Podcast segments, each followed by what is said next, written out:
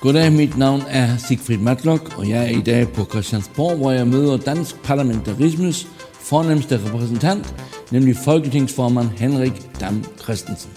Han blev valgt efter sidste folketingsvalg i juni 2019 efter en lang og bemærkelsesværdig karriere som politiker på og uden for borgen. Man kan nok kalde ham for de socialdemokratiske regeringers vandrebokal. Et begreb, som tidligere brugtes anerkendende om den daværende socialdemokratiske minister Erling Jensen. Efter sit valg til Folketinget første gang i 1990 i Ribe Amtskreds, har Henrik Dam under statsminister Paul Nyrup Rasmussen været beskæftigelsesminister og transportminister, og senere under Helle Thornings regeringsledelse været landbrugs- og fiskeriminister, fødevareminister samt socialminister.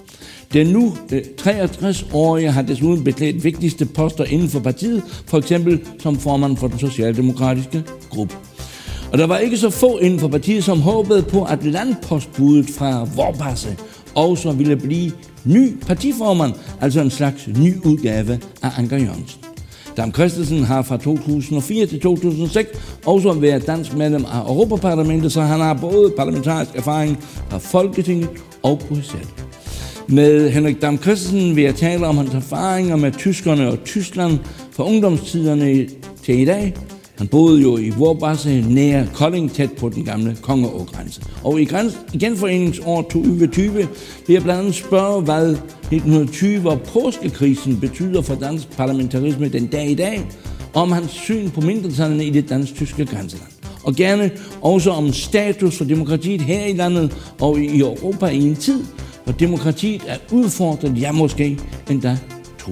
Velkommen til en ny udgave af Dansk Tysk med Matlock fra det mest fornemme værelse på Christiansborg har formandens kontor.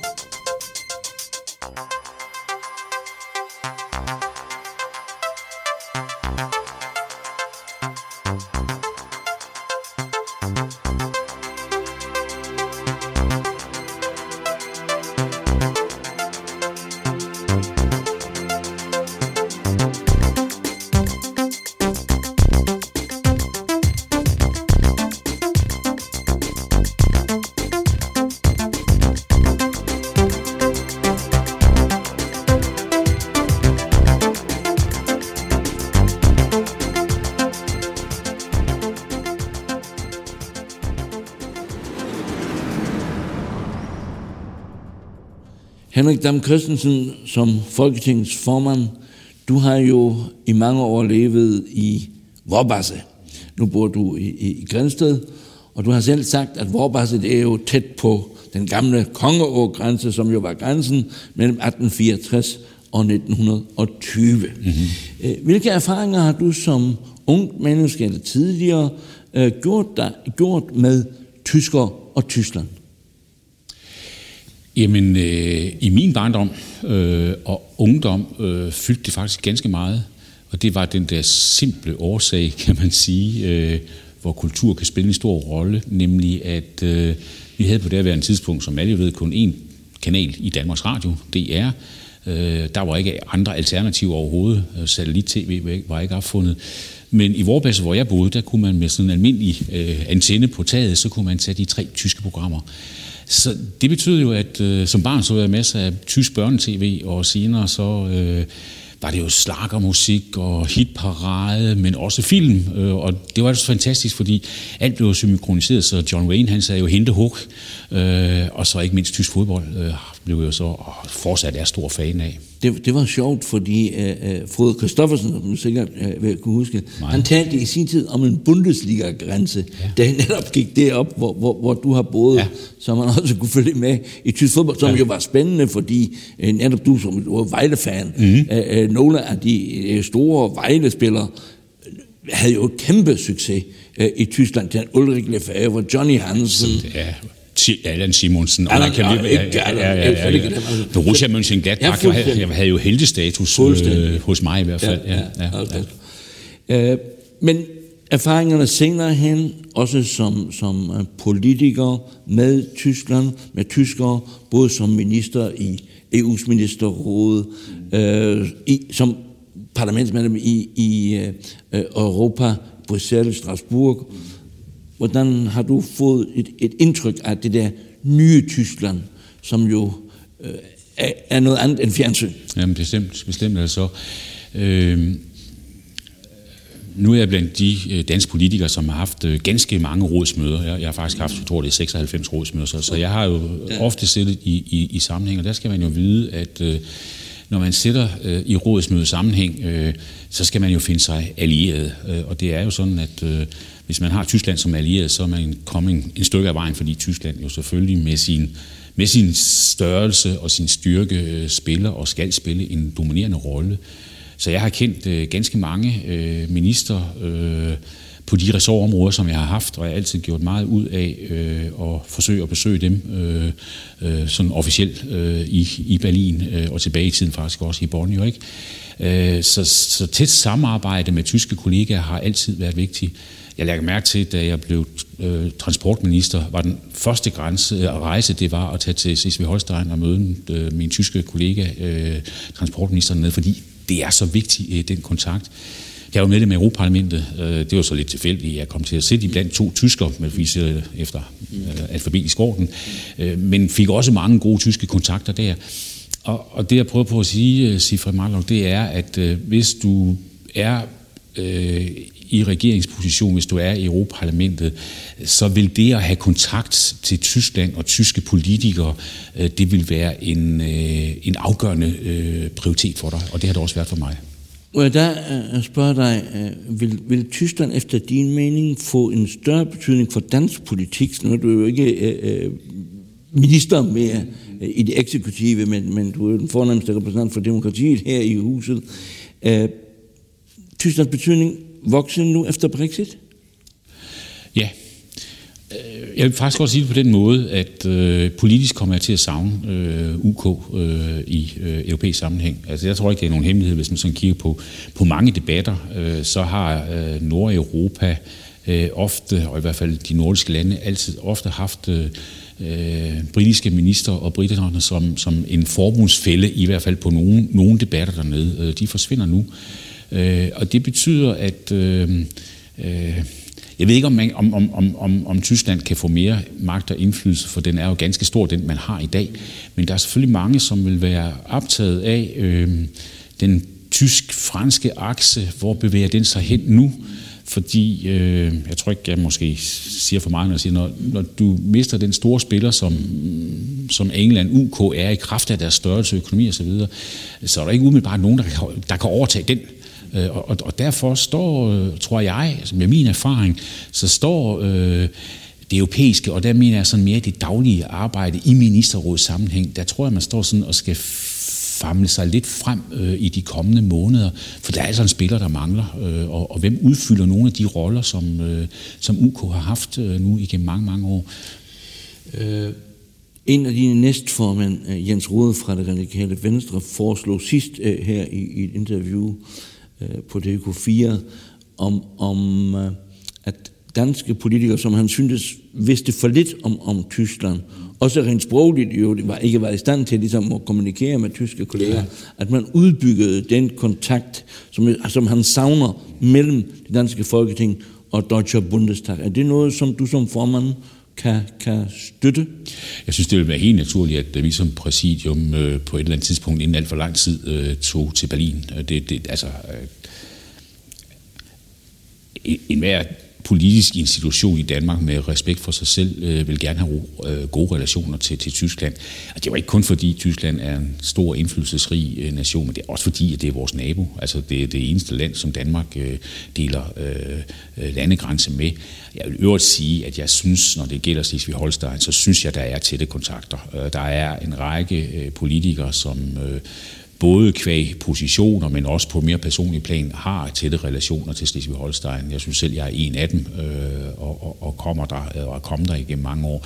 Men, men, men det vil være helt naturligt, at man, man, man gør det. Men jeg er så i øvrigt øh, lidt mere øh, øh, på, den, på den anden plan enig i, at jeg synes, vi ikke vi er gode nok til i Danmark, både når det gælder i forhold til at lære sprog øh, og prioritere tysk. Øh, og jeg synes også, når man kigger på, hvilken fantastisk vigtig handelspartner Tyskland er for Danmark, at der er nogle steder, hvor vi efter min mening øh, meget, meget bedre kunne fokusere. Turisme, der, der er mange områder, hvor, hvor jeg synes, vi kunne udbygge øh, vores kontakt og samarbejde med Tyskland. Og som et stort dagblad i København engang skrev, i, i det øjeblik, hvor Femernforbindelsen kommer, så bliver Danmark vel anfast med Tyskland. Det er rigtigt. det lad, lad, lad, lad det ligge. Æ, æ, æ, Henrik Dam Christensen, 2020 er jo et specielt øh, år, også i det, i det dansk-tyske øh, forhold, og, og specielt også når vi tænker på forhold til Slesvig-Holsten. Det er nemlig 100 år for det, som danskerne kalder genforening, men tyskerne kun taler som en ny grænse. Ja. Og, og, så der er jo forskellige øh, følelser. Der har jo været, øh, det har du også fremført, stor skuffelse i Flensborg for eksempel, øh, i det danske mindretal, at man ikke kom med mm. øh, i 1920. På samme tidspunkt var der jo stor skuffelse i for eksempel Tørnerby, mm. som havde næsten et, et større tysk flertal end Flensborg, at det tyske mindretal ikke forblev i Tyskland. Så det har også været, ud over de mange glædestråd, så har der også virkt, virkelig været tårer over den beslutning. Det har været hårdt. Mm. Og du har uh, sagt i, i en tale her i, i, på en konference sammen med Grænseforeningen, tror jeg det var, at øh, måske er afgørelsen fra 1920 måske den vigtigste i det sidste århundrede, ja. men det er i hvert fald den lykkeligste. Ja, og det mener jeg også. Øh, når man skal lave en grænsedragning, vil man altid øh, med de ord komme til at skuffe nogen ovenkøben måske øh, fremkalde tårer. Det sagde Jes Fabricius Møller jo også ja, på den ja. konference. Han sagde netop, at, ja. at der bliver ingen perfekt løsning. Nej, det kan, det kan aldrig lade sig gøre. Ja. Men jeg mener så trods alt, at det, vi er kommet så tæt på den perfekte løsning, som vi overhovedet har kunnet. Øh, og det var fordi, at vi lå så demokratiet råde. Altså det, det var jo folket, som fik lov til at stemme. Vi havde de tre afstemningszoner, og, øh, og det var med øh, nogle, nogle tal, som jeg synes, man i sådan en demokratisk ånd jo godt kan sige, at det, det holdte vand til at være stabil. Og så vil jeg jo også sige, så glædede det mig jo meget, at øh, da jeg i 2001-2 øh, var medlem af det europæiske konvent, øh, dem som ligesom skulle forme det nye Europa i forbindelse med udvidelsen med de 10 nye lande. Sammen med Giscard. Giscard d'Estaing, øh, netop som, som præsident for konventet. Der var det jo meget, meget tydeligt, at grænsedragningsspørgsmål, mindretalsbehandling, spillede en stor rolle i konventet. Jeg vil bare sige, det dansk-tysk samarbejde kom til at stå som en lysende stjerne, og hvis man går ind og kigger øh, slutdokumenterne fra, øh, fra konventet, så er det fremhævet, at øh, det er et eksempel til efterfølge efterfølgelse for at kunne få en øh, fredelig sameksistens øh, i, i kraft af en, af en hård beslutning, som det jo er. Men, men der vil jeg godt øh, øh komme ind på noget, som, som øh, støder nogen i, i, i Sønderjylland. Øh, fortællingen her i, i København, også øh, i nogle medier, er, at øh, det hele i 100 år har været øh, øh, fred, mm. fryd og, og, og gammel, øh, uden krig og noget som helst. Når man tænker tilbage på Første Verdenskrig, hvor der var mange sønderjyder, der faldt. Når man tænker tilbage på, det må jeg jo sige, som, øh, selvom jeg er fra, har en tysk øh, øh, position, at, at øh, modstandskampen, øh, de mange ofre, øh, så synes jeg, det, det er lidt, lidt, lidt øh, salop, øh, og egentlig også lidt uhistorisk, at man gør, som om det hele var en, en, en ensrettet ja. kørebane fra 1920 til i dag. Øh, der har slet ikke været noget som helst øh, af konflikter. Du har selv været inde i, i, i, i, i, i din tale, hvor du øh, siger på et, et tidspunkt, at øh, vi har 100 års positiv udvikling. Mm. Og så i næste øjeblik siger du, men vi har haft 200 års modsætning mellem dansk og tysk, og det håber vi nu klinger ud. Mm. Øh, hvad er det rigtige billede? Jamen det rigtige billede er begge dele. Fordi sandheden er, at hvis du går op i en lidt større perspektiv, så har mindretalsbeskyttelse, mindretalshensyn, grænsedragning, så kan du ikke finde mange eksempler i hele verden på, at det er foregået så harmonisk og så fredeligt som den dansk-tyske. Øh, det er der faktisk ikke ret mange eksempler på. Det er jo ikke det samme, som der ikke er sårede følelser. Det er jo ikke det samme, som der er hensyn, som skulle være taget, som ikke var blevet taget. Så der er jo masser af eksempler på, at det kunne have været gjort anderledes og bedre, men i sådan et internationalt perspektiv, så må man trods alt sige, at øh, det findes nok ikke nogen eksempel, som, som kan fremdrages som værende endnu bedre. Det betyder ikke, at der er familier, der er blevet splittet. Det betyder ikke, at der er nogen, der synes, at deres, deres nationalitet er blevet undertrykt osv. Den følelse vil, vil, vil der jo være, og det er derfor, jeg egentlig siger med velberådet hu, begge dele er i og for sig rigtige. Ja, fordi også den 9. april 1940 var jo en trussel mod grænsen. Mm-hmm. Det skal man jo lige, lige, lige huske i, i Stortinget. Uh, når, når vi nu taler om, om, om det der med, med, med 100 år, uh, så lagde jeg mærke til, at du også i, i, i jeg tror det var en kronik sammen med formanden for Grænseforeningen Jens Andresen sagde, at uh, grænsen havde, havde skiftet karakter, det er vi jo øh, enige om, og, og nu var det sådan måske lidt let formuleret, et, en 150 km øh, øh, øh, bælte, hvor, hvor Danmark øh, øh gik kulturelt øh, til Ejderen og Tyskland op, op til Kongeåen. Øh, mener du, eller mente I dermed, at, at grænselandet Slesvig, altså det Sønderjylland og Sydslesvig, øh, skulle have en eller anden særstatus på et eller andet tidspunkt? Jamen, jeg skal have særstatus. Når jeg siger, at det her forandrer, så, så er det jo fordi, at øh, jeg ser jo med mine egne øjne, når jeg kommer i området, at øh, folk ubesværet flytter sig fra den ene ende til den anden ende, og kravet til os som politikere er jo mere, hvordan kan vi sørge for endnu bedre mulighed for integration med, i forhold til uddannelser, der er forskellige ting på skatteområdet osv. osv.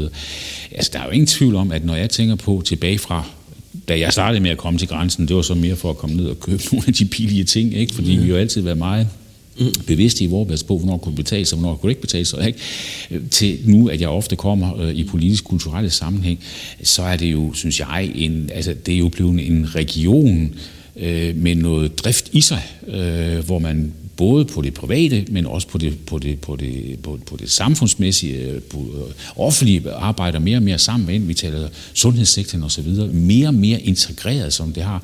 Og jeg tror jo, at øh, det var en bibemærkning før, men jeg tror, at Femern-forbindelsen vil give en kolossal løft til Danmarks og, og ikke mindst Slesvig-Holstein i forhold til samarbejde.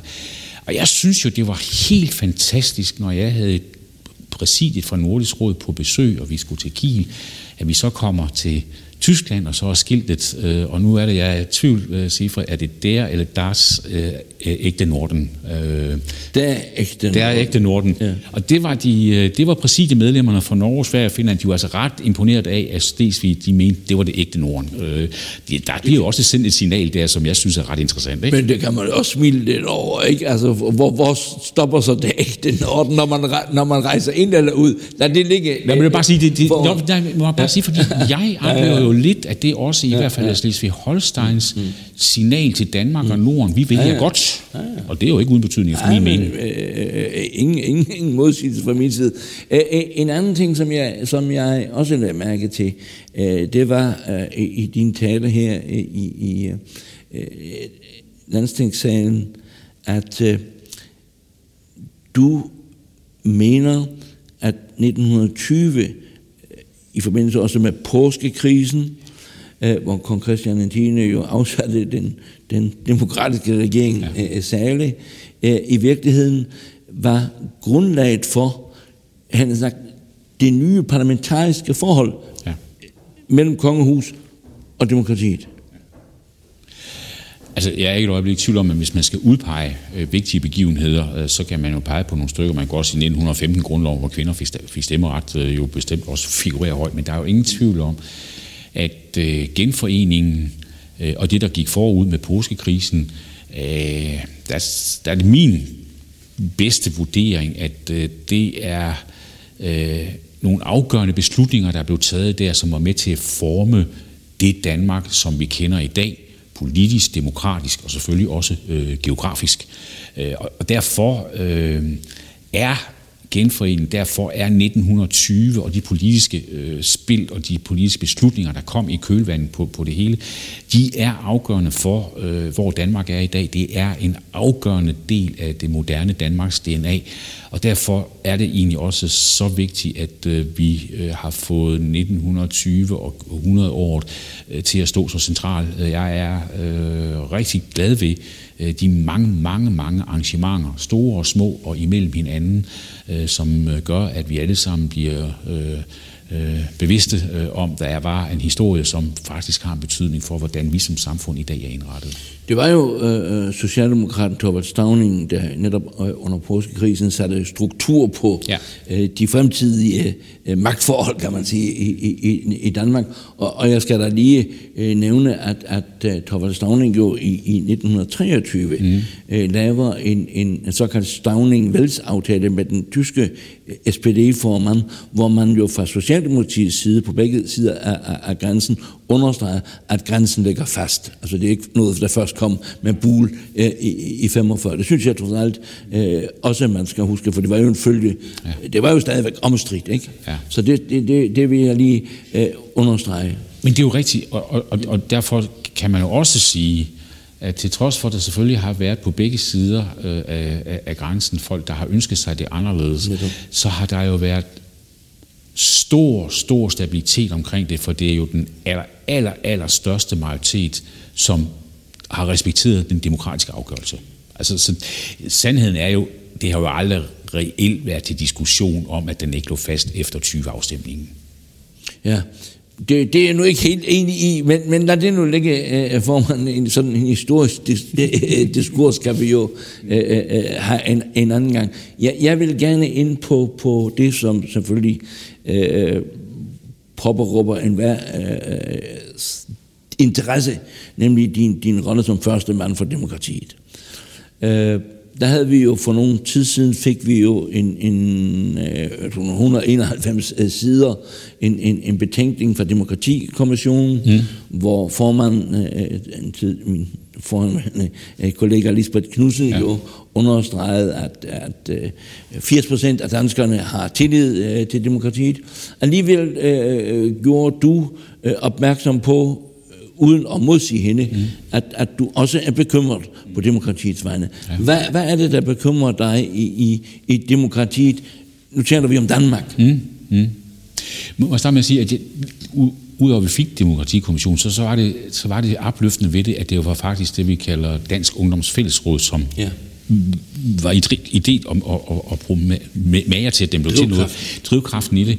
Og det er jo alle de politiske, det er jo politiske ungdomsorganisationer, det er spejder, det er alt muligt. Og det i sig selv, synes jeg, har en ekstra stærk dimension i det.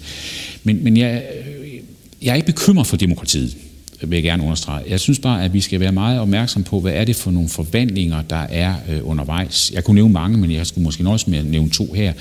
Den ene, det er, at øh, mediebilledet fuldstændig forandrer sig. Altså, der er nogen, der spørger mig, hvad er forskellen på at have været minister i 90'erne og så igen i 10'erne?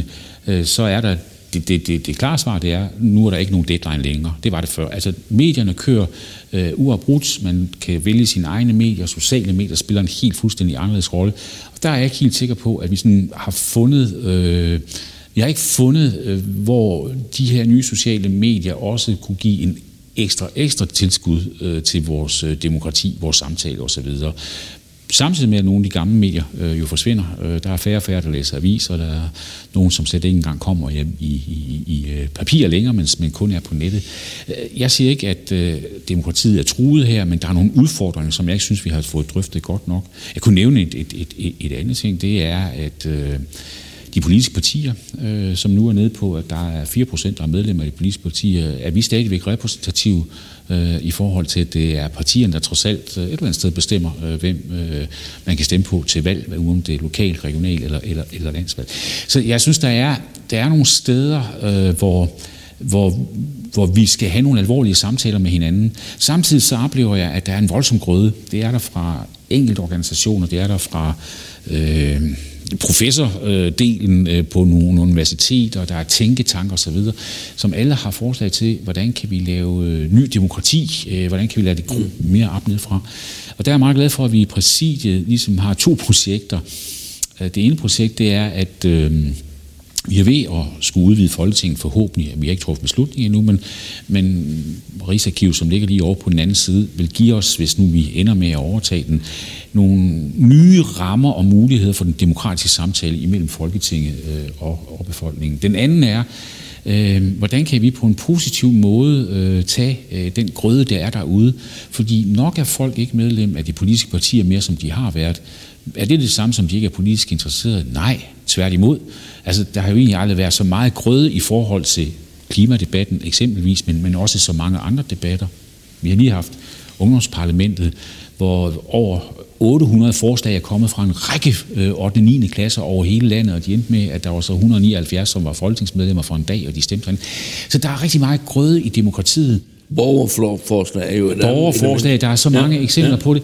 Øh, og, og der, hvor jeg ligesom synes, vi måske har brug for, det er, at der er nogen, der kommer lidt op i en helikopter. Det kunne være Folketingets præsidium, og ligesom prøve på ikke at styre det her, for det er slet ikke det, jeg er ude efter, men, men, men at få det drejet hen, så der også kan komme noget konkret ud af de mange, de mange ting, der spiger derude, uden rigtig at få god kraft.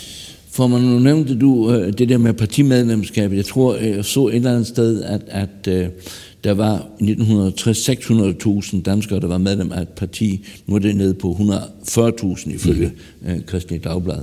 Øh, så det er jo trods alt øh, no, i, i hvert fald et substanstab. Lad, ja, lad os så fastholde det rent, rent kvalitativt. Mm. Øh, når, når formanden alligevel fremhæver, at, at øh, demokratiet har sin styrke, også ved at der ligesom er, er nye øh, ting, der spiger frem, øh, for eksempel øh, klimadebatten.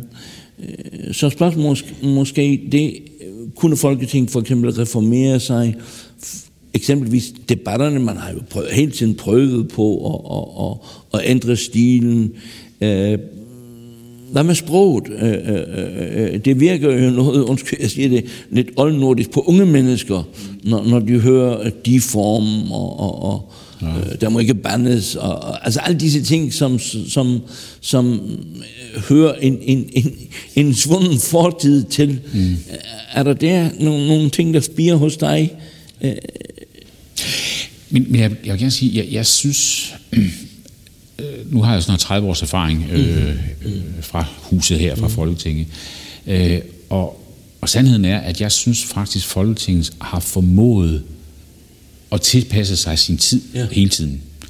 Øh, jeg får for eksempel mange, som gang imellem siger, det er for dårligt, at øh, folketingsmedlemmer de sidder nede i salen og kigger på deres iPad og, og telefoner.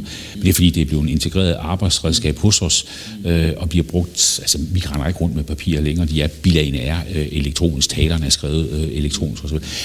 Og også den måde, vi samarbejder på, og den måde, vi gør det i udvalget. Jeg synes, vi fornyer os. Altså helt konkret omkring sprog dernede. Man skal ikke have været nede i folketingssalen ret lang tid for at se, at vi også her har moderniseret sproget. Jeg var, øh, jeg var syg for en stykke tid siden, og, og det gjorde, at øh, jeg fik set øh, nogle af de der gamle udsendelser, øh, hvor man skulle gætte et årstal i Danmark. Og der er jo mange eksempler ned fra Folketingssalen. Og når jeg der så eksempel på, hvordan man talte i 30'erne og 50'erne og 60'erne, så kan jeg jo se, at sproget også har ændret sig.